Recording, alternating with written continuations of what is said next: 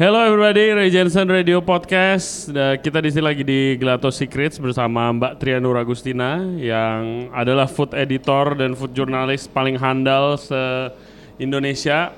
Dan FYI Gelato Secrets dia punya 5 outlet di Jakarta. Dan ini outlet yang keempat ada di Jakarta Selatan dan Jakarta Pusat. Yang ini ada di Komo Park di Kemang Timur. Dan kita lagi makan waffle with pistachio. Iya, gue Nah. suka banget waffle-nya. Gue Tria. tuh kenal jatuh sticknya waktu di Ubud ya kalau nggak salah. Hmm. Oh iya gue, ada juga gue, gue happy banget waktu dia buka Jakarta. Hmm. Jadi gue nggak mesti nice. beli tiket dulu. Oke. Gimana Mbak Tria? Apa sih yang pengen kamu tanya? Jadi gue lu mau dengar-dengar sesuatu. lu kan sebenarnya gue. lulusan sekolah perhotelan di Trisakti. Terus jadi tapi lebih memilih untuk menjadi food writer. Iya. Boleh jelasin nggak kenapa? Ya jadi kalau dulu tuh kan sebetulnya em, kalau anak kampus zaman dulu tuh pasti kita Hmm. kalau lulus pasti pengen gue kerja jadi pastry. Itu tuh zaman dulu tuh begitu, tahun 98. Hmm. Eh, jadinya lalu gue of course gue pengen ke pastry, gue pengen ke dapur pastry. Lalu karena badan gue kecil, gue nggak pernah dikasih kesempatan ke kitchen. Gue selalu ditempatin di bagian misalnya kayak uh, PR atau di bagian service gitu. Karena Oh, menurut mereka, gitu. eh lu bisa ngobrol nih, gue taruh di depan aja gitu. Akhirnya ternyata itu ternyata boring banget gitu. Karena akhirnya gue I quit my job karena gue gak pernah kerja di kitchen. Eh, satu waktu adalah sebuah lowongan eh, menjadi se- redaktur boga ya bahasa Indonesia. Redaktur sebuah- boga. Itu tuh- kalau bahasa sekarangnya apa? Eh, ya food editor. Food editor. Ya. itu nam- eh, lalu aku kelamar di sebuah majalah eh, kuliner. Mm-mm. Ya pokoknya keren banget tuh zaman dulu tuh namanya majalah Santap. Zaman dulu itu kita udah ke foto cover, udah Dove, udah si Om William Wongso, Pak Bondan baru pertama kali keluar tuh kita udah udah wawancara eh, food stylistnya juga pakainya Puji Purnama zaman dulu Susi Puji pakai udah nomor satu sekarang Oke, gitu. iya. Jadi kebayang kan betapa Hmm. lamanya itu masa itu. Setelah itu baru gue pindah ke Femina gitu. Jadi memang ternyata eh, kesukaan gue buat ngobrol itu kepake banget ketika gue mau wawancarai orang gitu. Iya. Jadi Seperti ini. ya gitu. Iya. Jadi banyak banget teman-teman gue itu adalah sebetulnya dulu orang-orang gue wawancara. Hmm. Kalau inget kan dulu kita pertama kali ketemu. Oh iya dong, iya dong. Nanti kita akan bahas juga tuh. Nanti kita akan bahas. Dan tapi dari dulu apa udah demen nulis? Eh, nulis itu dipelajari. Jadi kalau kalau lo masuk ke eh, sebuah media yang cukup besar, Mm-mm. um, lo harus bisa kalau gue di Femina gitu ya, uh, gue harus punya uh, background perhotelan atau lo bener-bener lo suka masak itu bisa masuk lo bisa walaupun Yes. lo gak suka perhotelan di situ kita di training untuk menulis Mm-mm. menulis itu misalnya kalau orang bilang oh kalau kayak food journalist apakah lo uh, urusannya uh, ngerasain restoran doang enggak jadi pekerjaan itu banyak, banyak banget dari kayak nulis resep Iya. wawancara orang gitu. Jadi dan em, kalau lo bekerja di media yang besar itu adalah enaknya lo pengen ketemu siapa, lo pengen belajar tentang apa tuh pasti ada jalannya. Jadi eh, sampai sekarang sih gue udah kayak mau udah 13 tahun lebih ya. em, nggak berasa nggak berasa berasa bosen tuh asik Oke. banget gitu. Dan sekarang apa sih bedanya? Kalau sekarang kan banyak orang bilang yang self proclaim either food critic atau food food blogger atau foodie foodie. Apa bedanya?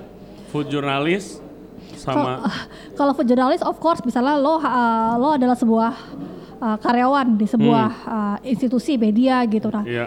Satu lo digaji, lo emang kerjaannya emang tiap hari lo dikasih duit untuk nyoba makanan sana sini segala macam. Tapi kalau kita di media tuh kita punya batasan. Let's say kita uh, cukup hati-hati karena kita misalnya um, kita ngomongin restoran gitu ya. Nah penting banget kalau lo punya background restoran karena bisa let's say lo pergi ke restoran terus servisnya jelek banget atau makanannya jelek.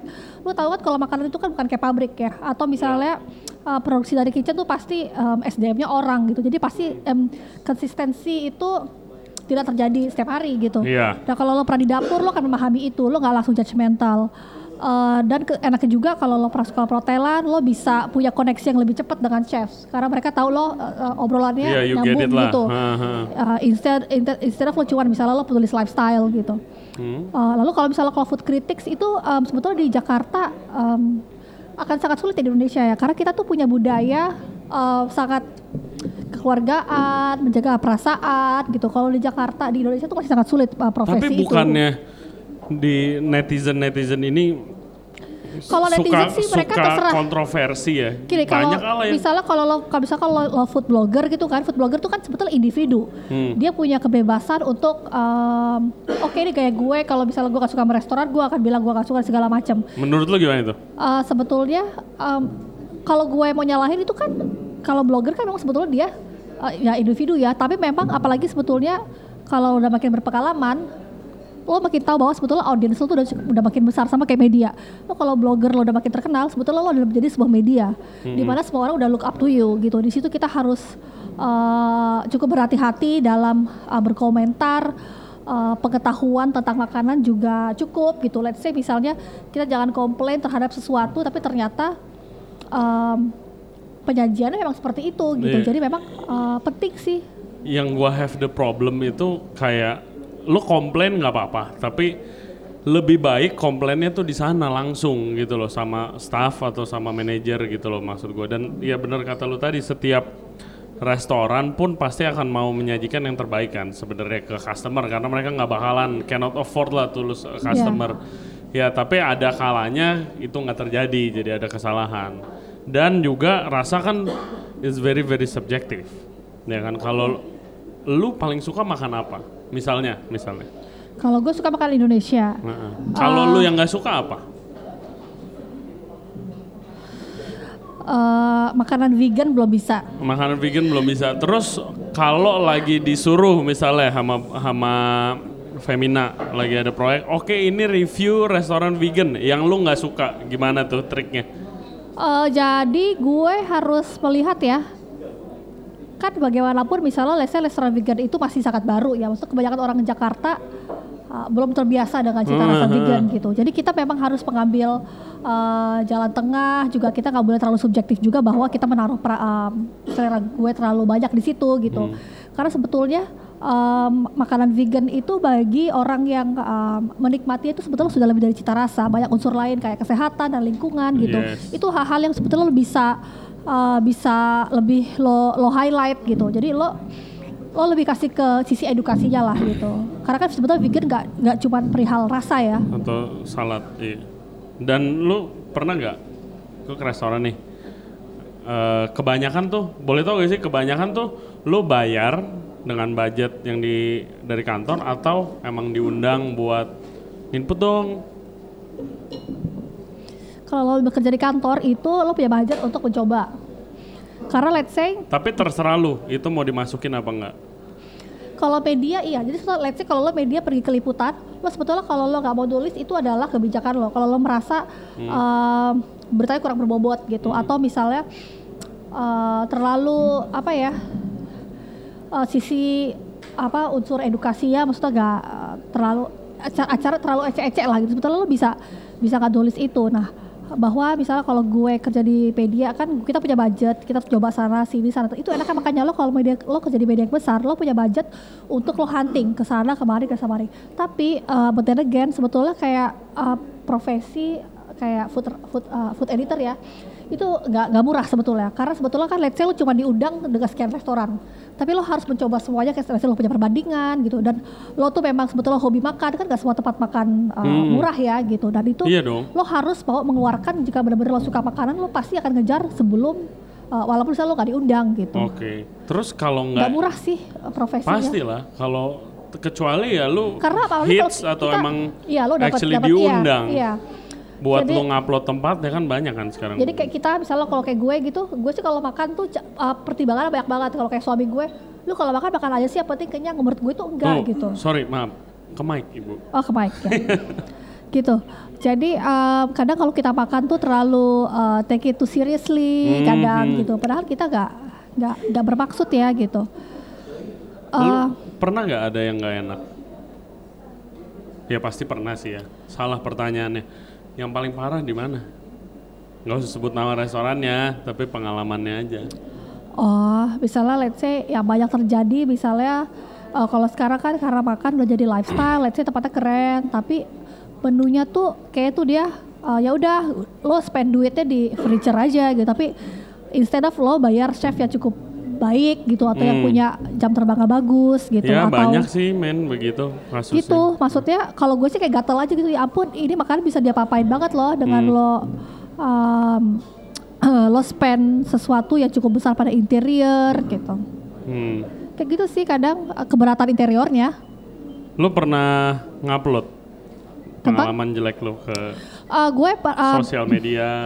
gue nggak merasa bisa aja kayak kadang kalau orang tuh kan let's say ketika suara berbicara lo harus berbicara juga kalau menurut gue sih uh, nggak ya kadang em, kalau gue ada sesuatu yang itu gue akan tanyakan apalagi mereka itu sebetulnya uh, chefs itu sangat suka ya kalau lo appreciate apa yang dia masak gitu Iya. dan kayak gue diajarin juga kalau let's, let's say before you leave the kitchen you say thank you to the chefs itu Hmm. sebetulnya chef itu kan seneng banget gitu jadi uh, Sebenarnya dikomenin dan dikritik juga seneng sih kayak gua gitu. Iya, gua iya, demen iya. dikomen Iya. dikritik. Asal maksudnya tapi ngobrol langsung membangun gitu. gitu, loh, Iya, iya. membangun dan ngobrol langsung, enggak tiba-tiba di itu aja. Iya sih, sosmed. iya kalau gue,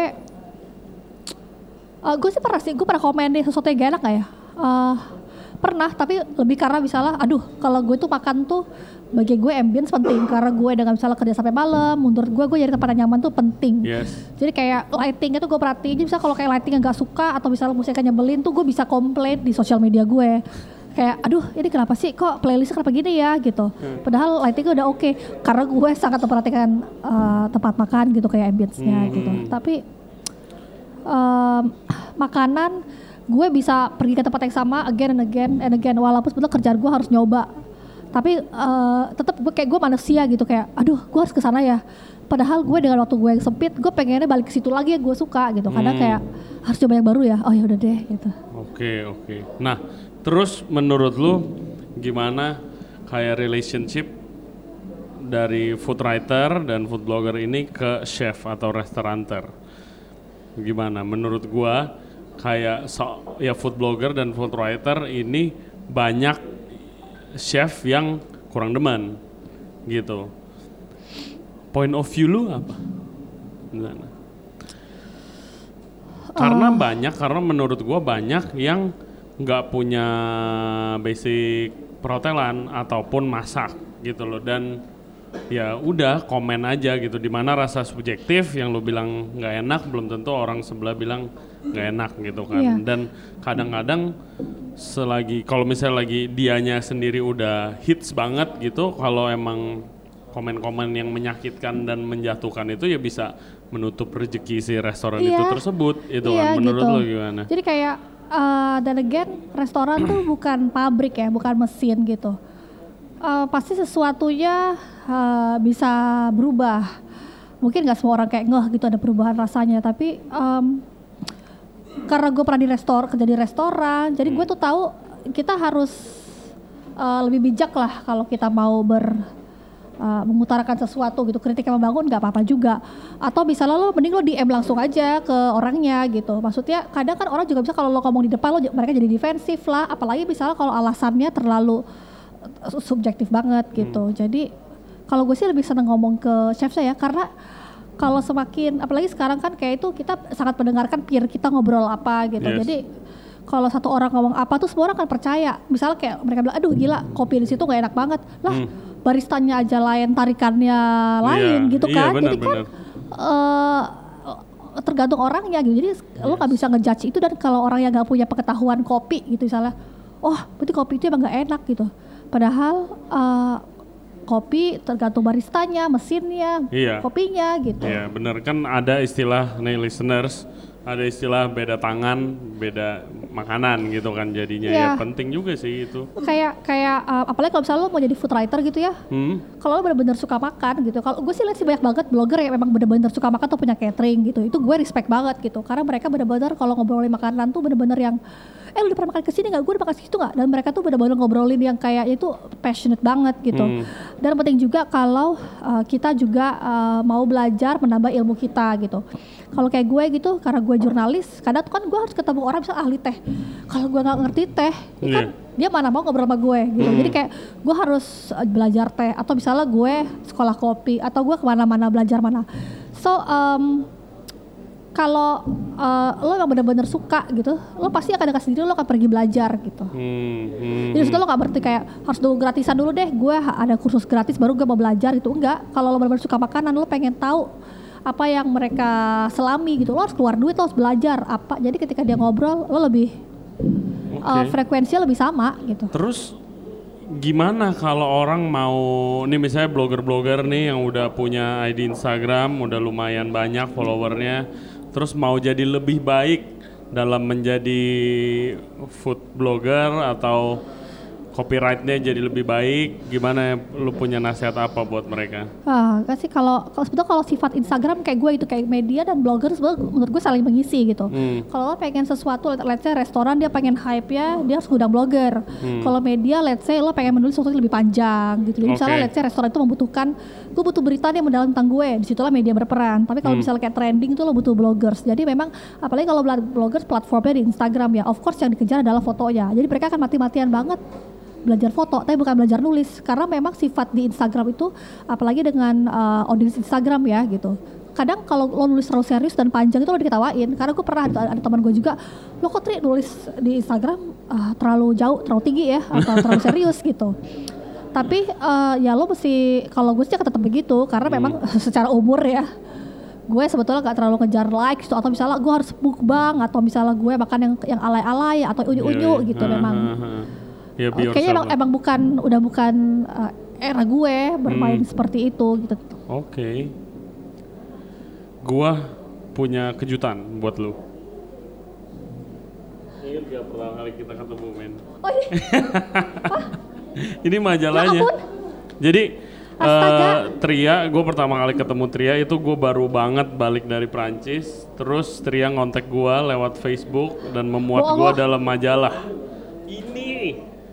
Gue nggak tahu di Facebook. iya, iya dari mana lagi kalau nggak? Ya ampun Edwin Lau. Ini tahun berapa ya? Iya, jadi Oh ya ampun.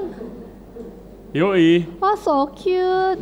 dan gue masih kurus dan gue ya gue thank you Eh lu belum berjenggot lu. eh dagu lu masih satu. ya ya jadi eh, lu terus inget gak Apa?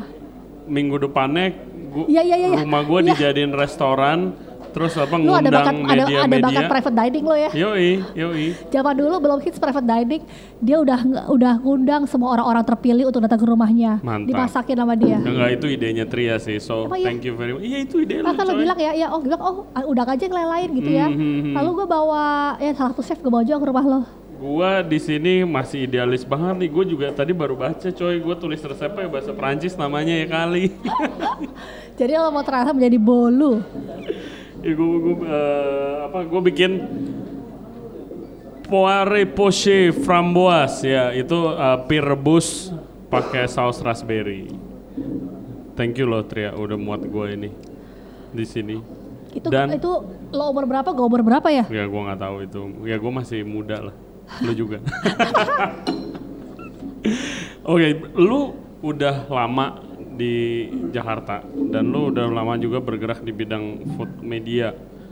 Gimana perubahannya dari zaman ini sampai sekarang? Gimana perubahannya? Eh, kalau tentu kalau kayak kayak Jakarta itu kan audiens kan bergeser ya. Mereka lebih pengen sesuatu yang online. Kalau di media aku juga sebetulnya kita juga punya online. Dulu orang tuh kalau nyari resep misalnya source-nya cuma itu-itu aja. Kalau sekarang source-nya udah banyak banget. Yes. Eh, tapi kalau kayak di kantor gue tuh kita punya yang namanya dapur uji.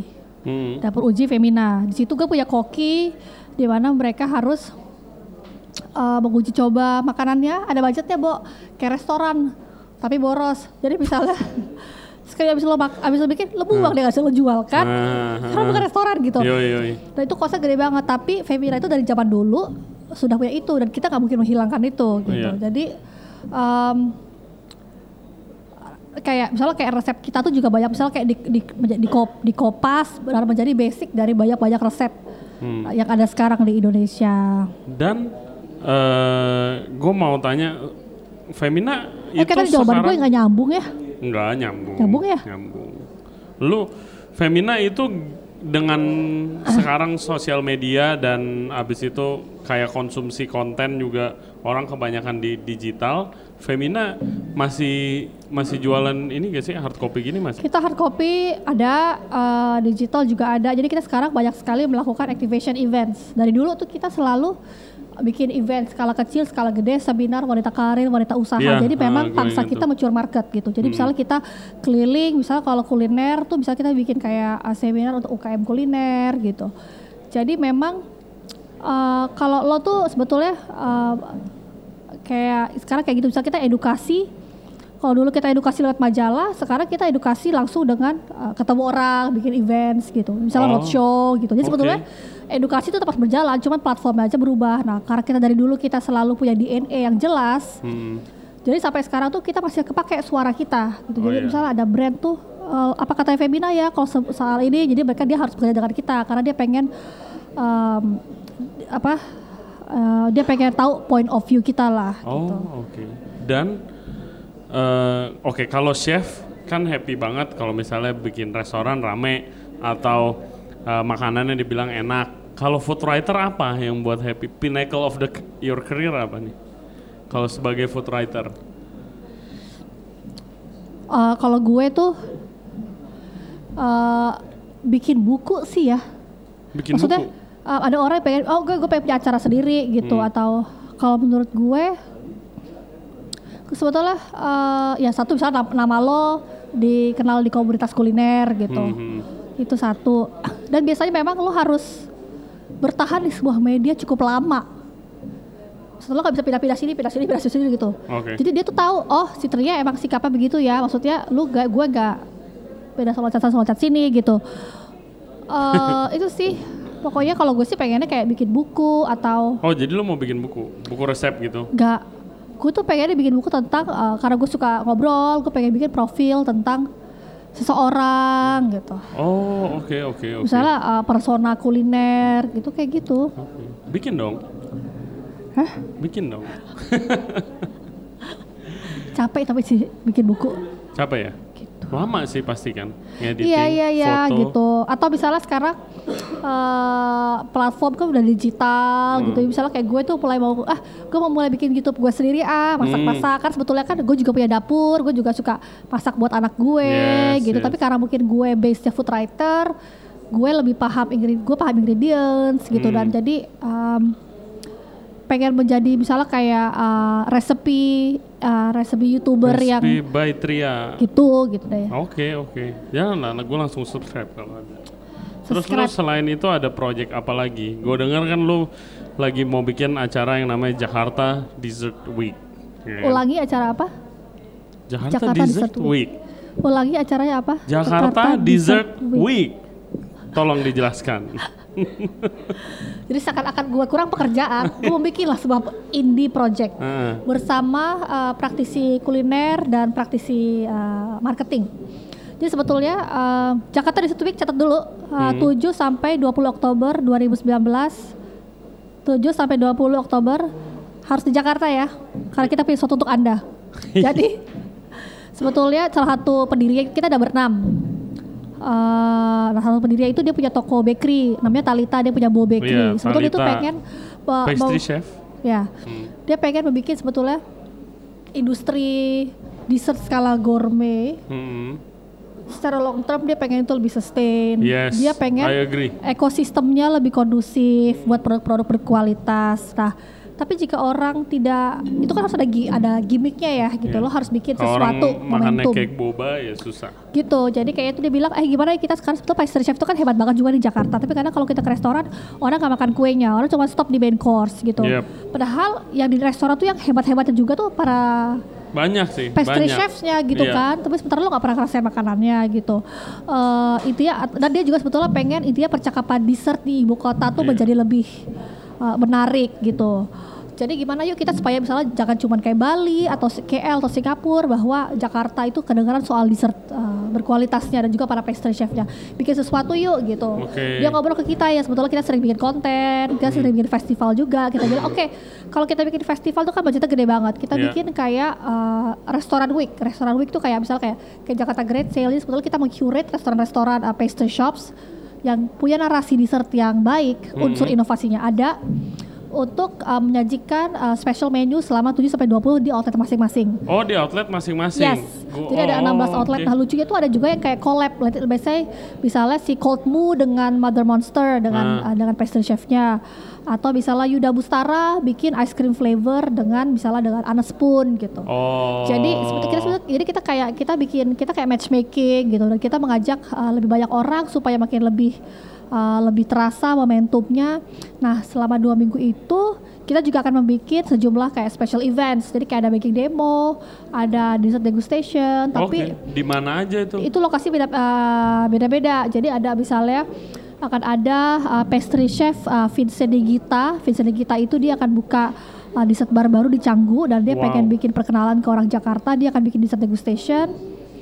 Uh, ada juga misalnya Kim, uh, Kimi Kim Pangestu mau bikin Iya. dessert class. Heeh. Uh, Putri Miranti, celebrity chef, dia kan punya bisnis online tuh. Iya. Nah, Wah hit hit semua chef gitu kayaknya. dia akan bikin sebuah baking demo tapi kita nggak mau pengen kayak macam kayak baking demo yang macam-macam di expo gitu Hmm. nggak boleh ya bikin naik darah harus eh, yang experience yang hangat tidak Hmm. berjarak jadi kayak ada dining tuh makan bareng dengan chefnya gitu Ah. Let's say 15 orang 20 orang gitu-gitu doang Oke. Terus ada juga di mana? em, artisan bread seminar Artisan berseminar. Di- Dan ini kalau mau buat- lihat buat- buat listeners kita mau lihat di mana? Kita udah ada uh. Instagramnya, ada Jak at Jakarta Dessert Week. Uh, kebetulan uh, kayak lusa kita akan bikin presscon. Uh, program-programnya kita akan launching uh, akhir minggu ini. Jadi udah boleh di follow dari sekarang supaya nggak ketinggalan karena uh, yang bikin acara-acara ini kan sebenarnya kita sering banget bikin event ya. Kayak aku Hmm. tuh kayak di Febera tuh aku pasti yang bagian yang meramu sebuah event kuliner. Jadi Iya. kita mau menaruh pengalaman kita masing-masing. Yuk kita bikin event ja- bikin kayak uh, diningnya jangan yang basi dong gitu, jangan yang Hmm. Oke. harus- Iya very interesting sih, very interesting. harus apa sih sesuatu yang Unik lah, Kan, at least uh, berkarakter gitu. Makanannya deh, at Iya. least the food. Lalu kan kita punya tema tuh kalau yang restoran yang kita pilih uh, 7 sampai 20 itu kita kasih tema jadi kayak Met Gala. Jadi misalnya kita kasih tema mereka tahun ini retro. Jadi Hmm. mereka menyajikan dessert uh, bertema retro. Retro tuh bisa mengacu ke desain atau ke cita rasa masa lalu. Jadi bagaimana chef itu uh, menangkap uh, tema ini menjadi sesuatu yang menarik yang perlu kita lihat. Dan makanya kita perlu mencoba makanannya. Wah gila, keren sih. Gitu. Siapa yang idenya kepikiran? Jadi memang uh, dua minggu perayaan dessert. Oke. Gua, menurut gua, Oh. exactly kayak pastry chef di Indonesia tuh banyak banget yang yang jago gitu loh. Kayak Kim. Kim kan eh, partner gua di Private Dining kan. Waktu itu gua Private Dining selalu bareng dia. Ya kan dan dia kuenya tuh gila sih kalau lagi private dining kan kebetulan makanannya boleh lebih idealis Iya, gitu kan. Wah kue-kuenya dia, dia sih mantep-mantep semuanya, Iya. very kayak technically sound, kayak taste great, everything. Tapi ya sayangnya budget-budget restoranter yang ada di Jakarta itu habis kita tadi habis buat tempat, paling nggak sisanya buat kitchen dan chef ya pastry kan sendiri lagi maksudnya Kursi sama kan. meja ya, Bo? Iya. Dan pastry itu kalau mau bikin actually yang pastry yang oke kan budget lagi tuh kadang-kadang ya karena dessertnya anyway nanti cuma bakal Iya. ada 5 atau 6 Iya. doang mendingan yang simple-simple aja. Iya, tapi jadi, I think it's great. Iya, maksudnya kita pengen memberikan sebuah kadang misalnya kalau chef mau memberikan sesuatu yang out of the box kayak tiba-tiba kayak random banget sih ngapain gitu. Makanya kita harus ajak Iya, uh, harus ada- mereka bersama-sama dalam sebuah momentum. Yoi. Jadi orang juga lebih bersemangat kan, wah pastry chef favorit gue akan bikin apa ya? Oh lalu kalau nggak akan ada kelas apa? ya? Nanti bakal ada juga kayak uh, dessert plus cocktail pairing dengan tarik dari Sip Sensei kita matchmaking dia dengan Four Seasons. Oke. Karena Four Seasons ada si pastry chefnya Lorenzo itu uh, keren banget. Ada juga em, apa ya? Ada ada gam- ada kelas gambar dessert buat anak-anak. Oke. Gitu. oke. Dan ini dari tanggal 7 sampai 7 20. sampai 20. Everyday ada aja di mana, di Ya, mana ha-ha. gitu. Kalau Oke. yang untuk special eventsnya biasanya kalau kelas kita taruhnya di weekdays. Hmm. Kalau yang weekend dari Jumat, Sabtu, Minggu lebih yang ke dining. Oke, oke. I will come. Nanti dapat stamp card. Jadi sebetulnya kayak ada 30 atau 28 experience ya total ya. Hmm. Tapi lu hanya perlu memenuhi 5 stamp saja kakak. Kalau sudah penuh 5 dapat Kamu bisa bobo di Four Seasons kakak. wow. Mau di Pullman di Keraton at the Plaza. Wow. Dan lu dapat kado-kado dari TWG, t-shirtnya paling mahal gitu-gitu. Tapi itu diundi. diundi. Iya, iya. Kalau kita bagi semua, miskin kita foundersnya. Oke, we have to go. Thank you banget Tria udah jadi Iya. tamu gue. Gantian kan gue yang interview lu sekarang. Oh ya, oh my god, aku pengen 10 nangis years. ini. Penutupnya sedih banget. Giliran dia ngomong ke gue. Thank you very much and again thank you banget buat eh, ya jasa lu ya kayak gue deh pasti banyak chef-chef yang kayak dimuat pertama kali sama Tria dan oleh Femina. Ah, gila juga ya. Tiba-tiba dia anak baru pulang dari Prancis gitu. Gue tangkep aja gitu. Oke, thank you very much. Bye. And thank you guys. Don't forget to subscribe di Ray Jensen Radio di YouTube kita atau follow di Apple Podcast, Google Podcast, Spotify and Anchor app. Follow Tria underscore the food editor di Ya Instagram. dong, daripada gue hopeless, gue bentar lagi beli nih. Kalau yang follow gue. And we'll see you next time. Bye bye.